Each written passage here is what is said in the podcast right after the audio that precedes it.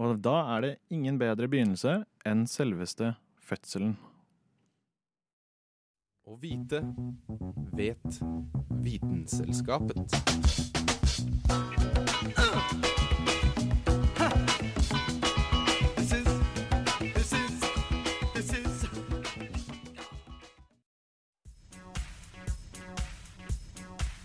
Hæla i taket med Vitenselskapet.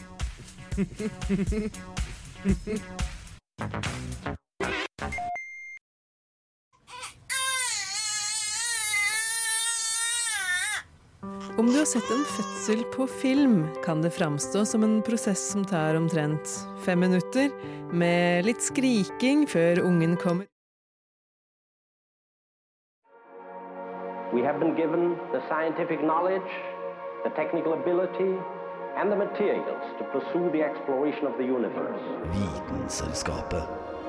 Stedet der vitenskap møter underholdning. Sequence start. Six, five, four, three, two, one. It's one small step for man. One giant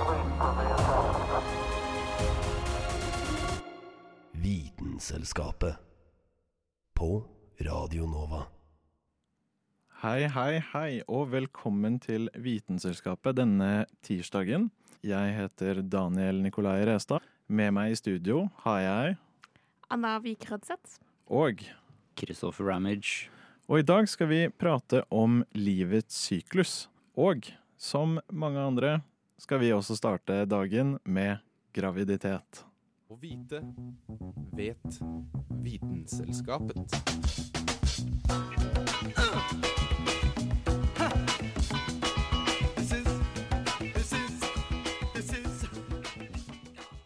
Så Kristoffer, du skal informere oss eh, i dag.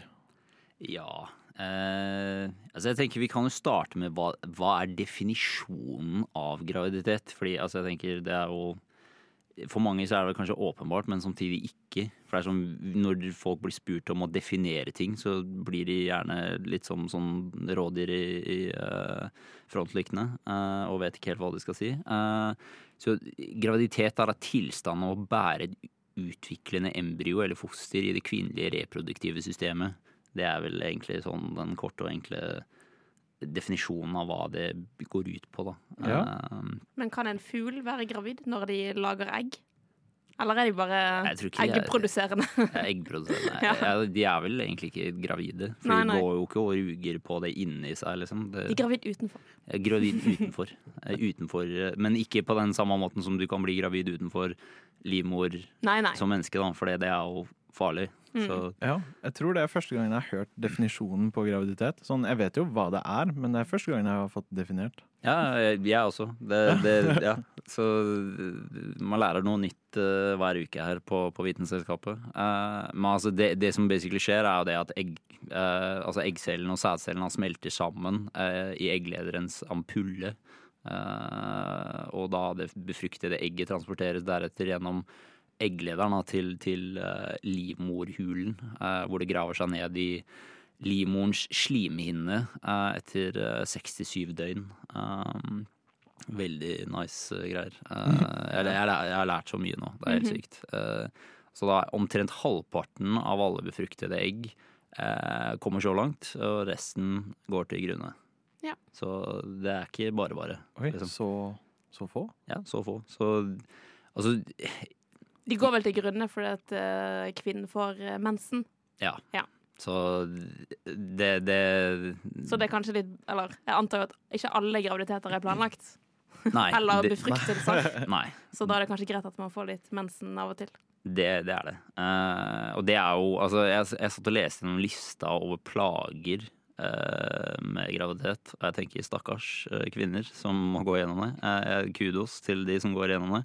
Eh, men en av de første plagene som kom opp på den lista, var da at du altså får ikke mensen. Eh, så det på en måte uteblir, da. Eh, men det sier seg vel selv, egentlig. Ja, Som i at du, du får ikke mensen mens du er gravid. Mm.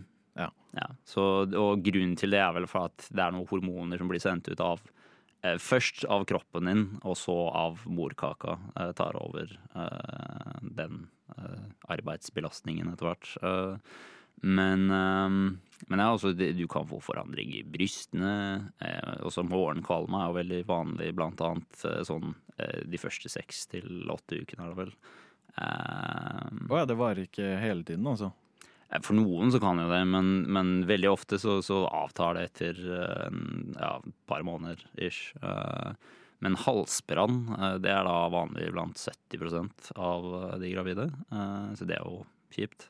For de som har hatt halsbrann, så vet man hvordan det føles. Oh, ja. Eh, Forstoppelse, eh, hyppig vannlating. eh, Mye fordi at det blir jo mye press på, på blæra og sånne ting. Eh, Søvnighet forandring av smaks- og luktesans. Så det er noe som folk har eh, kanskje en del erfaring med når eh, det kommer til covid. Eh, Men der er det mer sånn Det er ikke sånn at du mister den smakssansen og luktesansen. Det er jo mer det at du, ting bare smaker litt annerledes, kanskje. Så ting du ikke nødvendigvis likte før, blir plutselig Å, fy, det, det, jeg har så lyst på Ja, sånn cravings. Ja, Ja, sånn, får kjemperare cravings. Ja, ja. Ja. Sånn plutselig så pickles med Ja. dyppa i Nugatti eller sånn. Det er sånn her, hvor, hvor, hvor kommer det fra? Jo, det er det. Det, er, det er det at smaks- og luktesansen din basically blir litt messa opp med. eh, Sikkert på grunn av hormoner og, og ting og tang. Um, men ja, du kan jo få hudforandringer, eh, strekkmerker og sånne ting. Det er jo veldig vanlig. Eh, Ja. Så ja, det, er, det er masse, masse bekkenløsning, ryggplager. Det, jeg bare tenker maskiner. Kvinner er, kvinner er maskiner. For å si det Så, sånn. hvor, hvor stort pleier egentlig et barn å være? Sånn når, når det er inni, inni magen? Spørs jo når, da. Ja, ja, men sånn, ok, mot slutten da, la oss si det. Det er jo, ja, Vet du ikke hvor uh, stor du var når du ble født? Eh, nei. Du var sikkert større enn meg. Nei, jeg, jeg bare fått, ja, mest sannsynlig. Men sånn, jeg har bare fått høre det at eh, hodet mitt ble formet som en peanøtt. Ja, ikke sant? Ja. Nei, men jeg tror du er rundt uh, tre til fire-fem kilo. Da du sto der hvis du er fem. Men Ja. eh, si tre, tre kilo og 50 centimeter.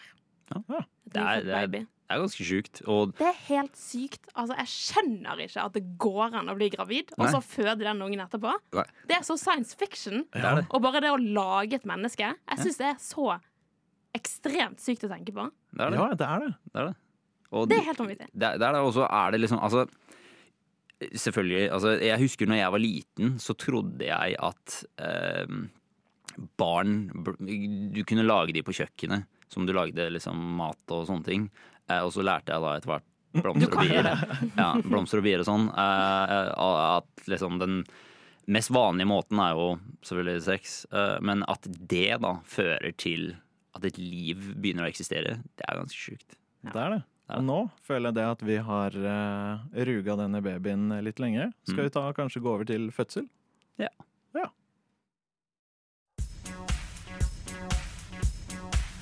Tæla i taket med Vitenselskapet.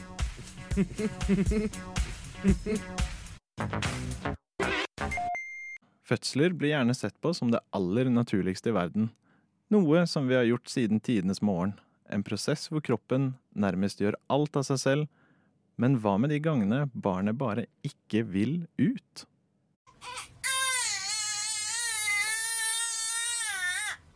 Om du har sett en fødsel på film, kan det framstå som en prosess som tar omtrent fem minutter, med litt skriking før ungen kommer ut med et svopp. I realiteten tar det som regel mange timer med hardt arbeid før babyen ser dagens lys, og i en del tilfeller trenger mor og barn litt ekstra hjelp. Det er nemlig ikke alltid fødselen går i gang av seg selv, og noen ganger kommer ikke barnet seg ut åpningen. Da er det flaks at det er funnet opp en rekke metoder for å få ut ungen. Og den ene involverer noe så festlig som en ballong. Til dere som nå så for dere en vanlig bursdagsballong, som for øvrig hadde passet veldig bra i anledningen, spør du meg. Det er ikke en vanlig ballong, men et ballongkateter. Den ser ut som en tynn pølse som føres inn i skjedeåpningen. Når den er på rett plass, pumpes det inn 50-60 ml vann, så ikke så veldig mye, men nok til at ballongen sitter fast nederst i livmorhulen. Tanken er at dette skal få i gang fødselen ved å lage et mekanisk trykk som utvider livmorhalsen. Så går altså den vordende mor rundt med denne ballongen inni seg i opptil et snaut døgn, til ballongen faller ut. Når eh, ballongen faller ut, betyr jo det at åpningen er blitt større, som er et godt tegn når det kommer til fødsler. Dersom man av ulike årsaker ikke kan føde vaginalt, er keisersnitt en velkjent metode. Legen skjærer et snitt på omtrent 20 cm omtrent ved hårfestet ovenfor underlivsbeinet. Bindevevshinnen som ligger over musklene, løsnes fra musklene, og så deles magemusklene. Inni her er det ganske mange hinner. Først skjærer de av bukhinnen, så livmoren, og så fosterhinnen. Nå renner fostervannet ut, og legen bruker hendene til å utvide åpningen til den er stor nok til å stikke hånda inn og dra ut babyen. Vanligvis tar det tre kvarter å sy alle hinner og sånn sammen, og de bruker en type tråd som forsvinner av seg selv etter hvert. Som regel er moren våken mens de gjør keisersnittet, men heldigvis setter de opp et forheng slik at hun slipper å se at de kutter og åpner. Selv om det er potensielt ganske traumatisk å bli kutta åpen på denne måten, er det ingenting mot hva kvinner før i tida kunne bli utsatt for. På slutten av 1700-tallet kom en ny oppfinnelse på banen for å hjelpe til med vanskelige fødsler, nemlig motorsaga. Jepp, 100 år før den ble brukt til å kutte ned trær, ble den brukt til å kutte symfysen, dvs. Si brusken nederst i bekkenet. Dette er jo noe å tenke på for alle der ute som hevder at det er verre å bli sparka i balla enn å føde.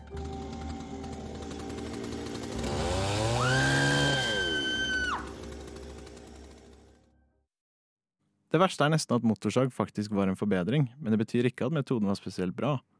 Samfistiomi, som det kalles, ga økt sjanse for urinblæreskader, fistler, infeksjoner, smerter og bevegelseshemninger.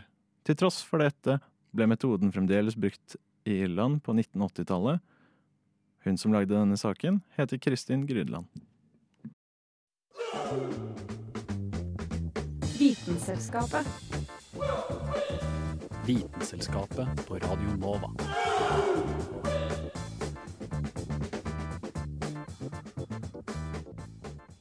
Da er vi tilbake. Så, Anna. Yes. Hva kommer etter fødselen?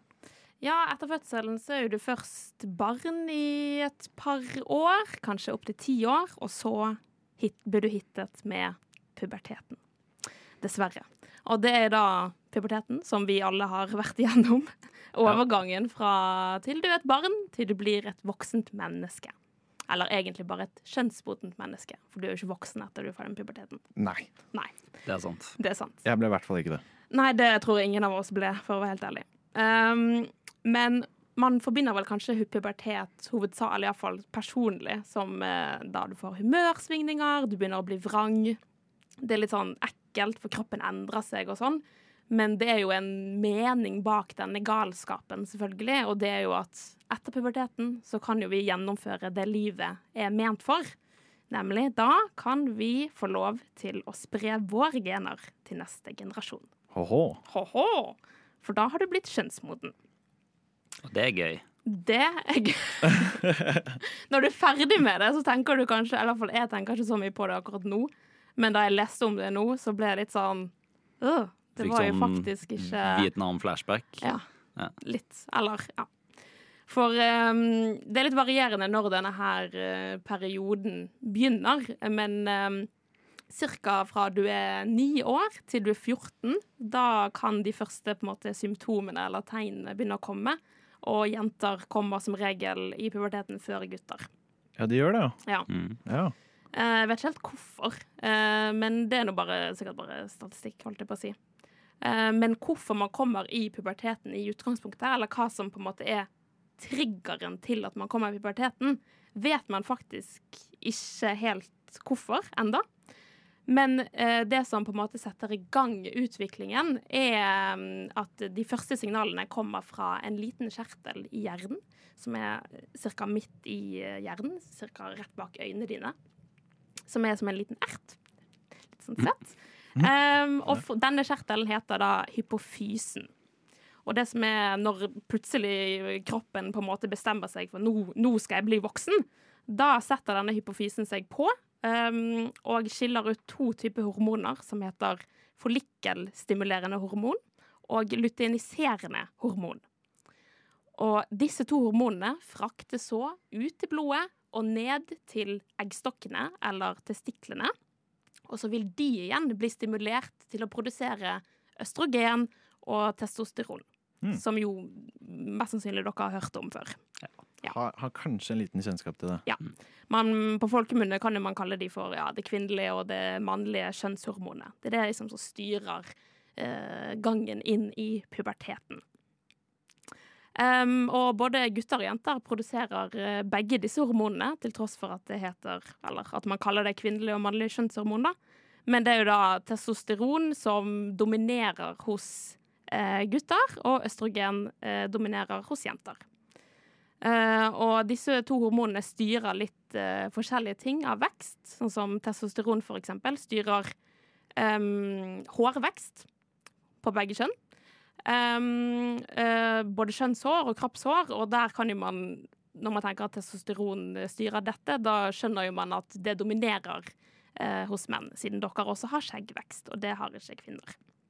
Ja, noen må. Det er noen. Og da har de kanskje økt testosteron. Det er mest sannsynlig derfor. Sant. Så har vi gjerne kanskje også betydelig mer hår på rygg og bryst og Ja, generell hårvekst er høyere hos menn, bare på grunn av at dere har mye mer testosteron enn det en eh, kvinne har. Mm.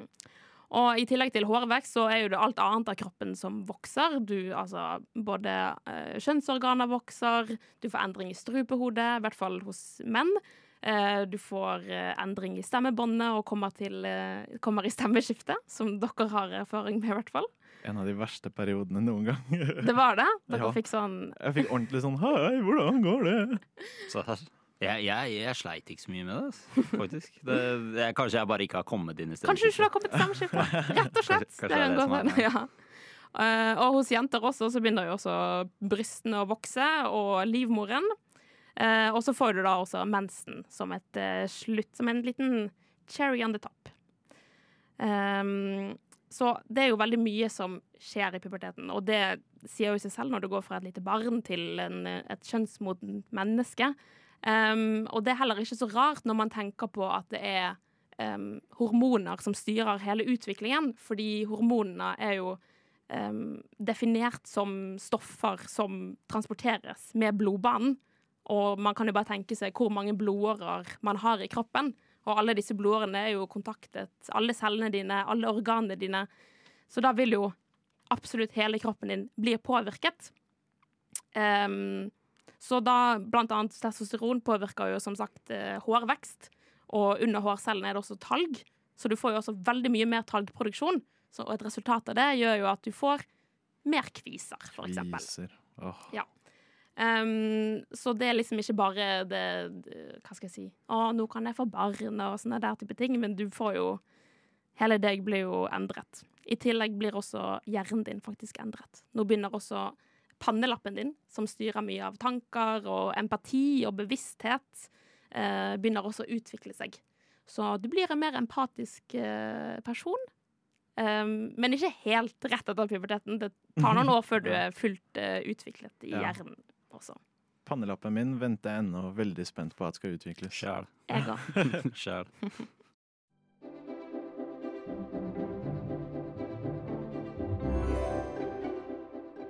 Ja, du hører helt riktig. Du hører på Vitenselskapet på Radio Nova.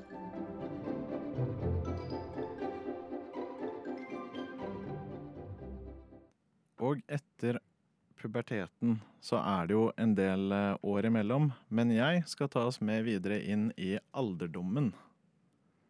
Som er det neste steget etter pubertet. Åpenbart. Vi har bare, hatt big leap her, men ja. det er for så vidt greit. det er bare en sånn død periode mellom eh, puberteten Mhm. til du er sånn ah, nå, nå er jeg gammel. Ja, Det går jo en syklus, og vi har jo tatt for oss eh, graviditet og fødsel allerede. Så Jo, men altså skrur du tiden tilbake noen hundre år, så, så var det ikke så veldig mange år imellom. eh, eh, pubertet og, og alderdom. Da. Så, så Eller for sånn så vidt fødsel og alderdom også. Ja, Eller iallfall død. Ja. Ja. Men ved, bare for å gjøre klart litt sånn hva alderdom er, så er jo det prosessen av å eldes.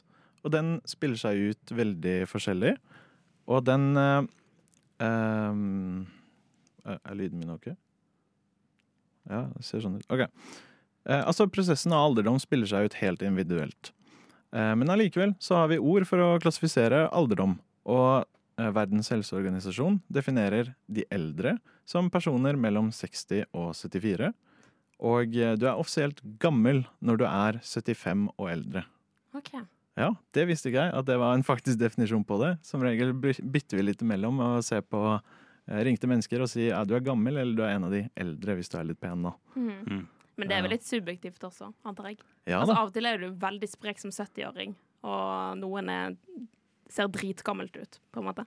Ja. Fordi jeg, jeg har kallenavn til farmoren min, og det er Gamla. Mm. Eh, men hun er jo over 75, så da går det greit, tydeligvis. Så det, da kan jeg bare peke på det at eh, nei, men de, de sier det, så da, Mm. da er det cool. Da. Ja, du kan si Verdens helseorganisasjon sier du, bestemor, du er gammel. Ja. Mm. Og samtidig, da, eh, til at eh, folk blir gamle, det er noe som eh, treffer de fleste, så er dagens eldre og gamle mye sprekere, eh, både mentalt og fysisk, enn det de har vært tidligere. Mye av det kommer jo av at man har eh, sunnere kosthold. Man er gjerne i bedre former for aktivitet.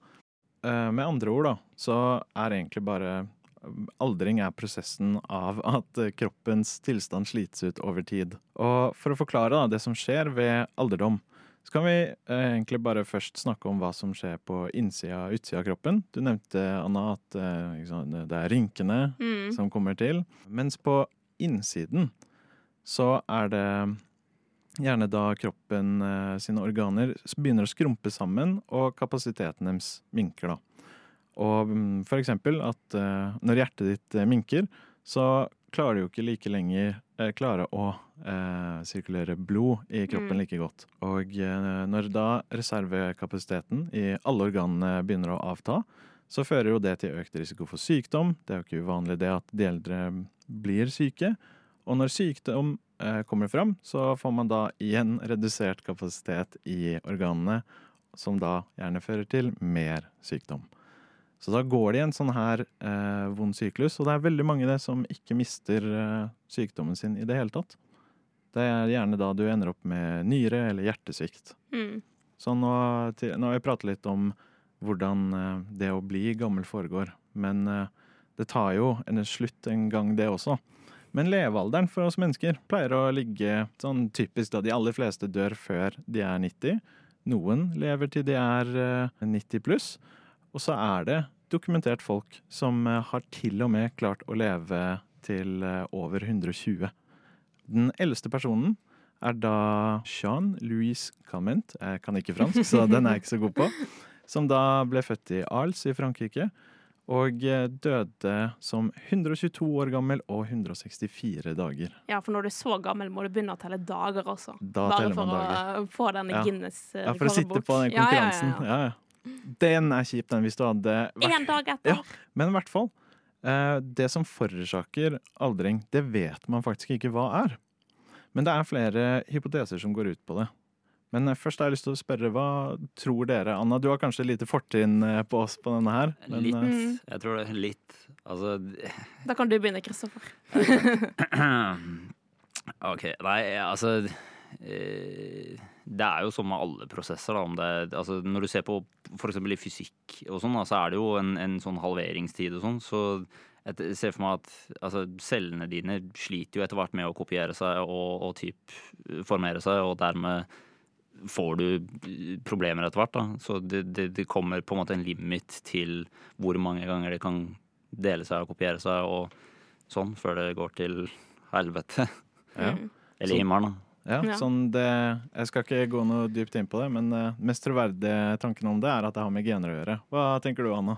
Ja, det er jo fordi eh, vi har et eh, problem i DNA-et vårt. Vi klarer ikke å få hele DNA-strekket vårt til å bli kopiert hver gang cellen deler seg. Så Mm. mister du en bit av DNA-et ditt hver eneste gang cellen din deler seg. Åh, det kommer jeg til å tenke på. Hver dag mister jeg litt av DNA-et mitt. Det gjør du. Mister litt av deg selv hver eneste dag. Mm. Men eh, det hadde vært veldig spennende om det hadde vært mulig å bli, altså, kurere alderdom. Er det noe som er veldig snakk om for tiden i eh, hva det heter Ger geriatri? Mm. Ja, som er læren om alderdom. Ja, hvorfor ikke?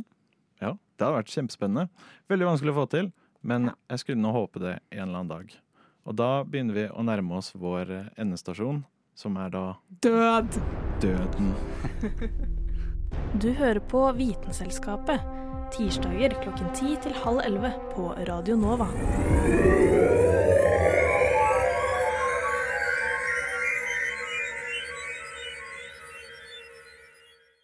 Da har vi kommet til den siste delen av vår syklus, i hvert fall vår siste biologiske del.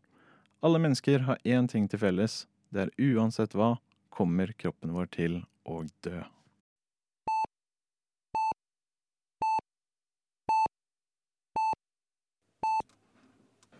Begynner å nærme seg slutten. Det har nok bare et par dager igjen. Du kommer til å merke at kroppen din trenger mer søvn. Ikke fordi du trenger å lade opp energi, men hjertet ditt pumper mindre og mindre oksygenrikt blod gjennom kroppen din. Så du trenger hvile. Kroppen din trenger heller ikke å spise like mye. Appetitten din kommer til å gå nedover. Fordøyelsessystemet ditt vil ha problemer med å prosessere maten du spiser, og til slutt vil du ikke lenger ha noe ønske om å spise i det hele tatt. Siden fordøyelsessystemet ikke lenger fungerer, vil det også bli vanskelig å gå på do. Du kommer til å oppleve forstoppelse, samtidig som du vil kjenne på det at du mister kontrollen over når du vil tisse. Men det kommer til å gå helt fint. Nå er det dessverre bare snakk om timer. Dine livsnødvendige egenskaper vil bli verre og verre. Din temperatur vil falle, og huden din vil føles kald eller klam når den tas på. Din pust vil gå saktere og saktere, og hjertet ditt vil pumpe mindre og mindre. Vær forberedt på å si ha det til dine nærmeste. Hjertet ditt slår ikke lenger. Din pust og din hjerne slutter å fungere. Det er blitt sagt at det kan være hjerneaktivitet rett etter døden, men det er dessverre ikke det samme som å være bevisst. Kroppen din kommer nå til å stivne. Temperaturen din faller 16 grader i timen, helt til den matcher temperaturen til omgivelsene dine. Ditt blod vil bli dratt nedover av gravitasjonskraften, og det vil nesten se ut som blåmerker der blodet samles. Døden er uunngåelig for oss alle. Det er en naturlig prosess som knytter oss alle sammen. Men det er et tema vi vil helst ikke tenke så mye på. Det er opp til hver enkelt å finne ut av hva de tenker skjer etter døden.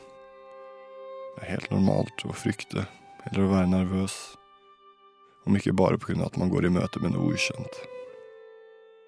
Jeg har lyst til å dele tre opplevelser til mennesker som har dødd, og så komme tilbake igjen. Det var en som blødde i hjel mens hun fødte sin sønn. Hun mistet bevisstheten og husker panikk. Mens hun var borte, levde hun et helt og et fullt liv med sine barn, inkludert den hun akkurat hadde født. Hun beskriver det som et fredfullt, kjærlig og et varmt teppe som la seg over henne. Det er en annen som forteller. Jeg overdoserte på smertestillende etter at min sønn døde. Mitt hjerte mistet rytmen i seks minutter. Jeg husker en skog hvor tid ikke fantes. Min sønn var der, og i den skogen fikk jeg se han vokse til en mann. Så våknet jeg i komplett fred og var ferdig med medikamenter. De nevner generelt en slags fredfullhet om at alt kommer til å gå bra. Så prøv ikke å bekymre deg for mye om fremtiden eller døden. Jeg vil avslutte med et sitat fra den store filosofen Master Uguay. Yesterday is history, tomorrow a mystery, but today is a gift. That is why it is called the present. Denne saken var laget av Jonathan Malmberg.